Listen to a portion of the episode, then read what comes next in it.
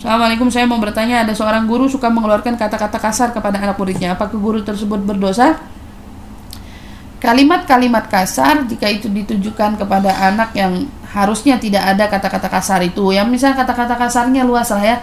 Anak bodoh kamu, uh, emang kurang ajar kamu, emang eh, apalah ya kata-kata itu memang tidak mencerminkan etika yang baik guru terhadap muridnya.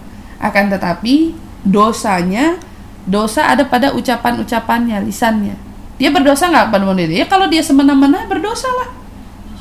Seorang guru kalau mengerti dia juga bertanggung jawab dalam menjaga muridnya, memperlakukannya dengan baik muridnya.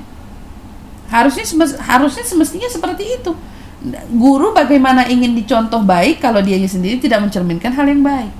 Bagaimana mengharap muridnya menjadi murid yang baik kalau dirinya sendiri tidak mencerminkan hal yang baik.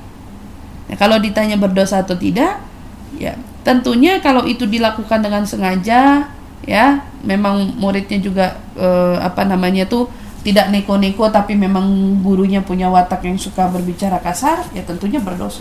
Pada siapa pun kita harus menjaga ucapan kita. Terlepas meskipun dia seorang guru. Saya jadi takut kalau ada pelajaran guru tersebut. Bicara sama kepala sekolah. Ya bicara sama kepala sekolah nih gurunya galak atau apa ya coba dibicarakan ya. Baik-baik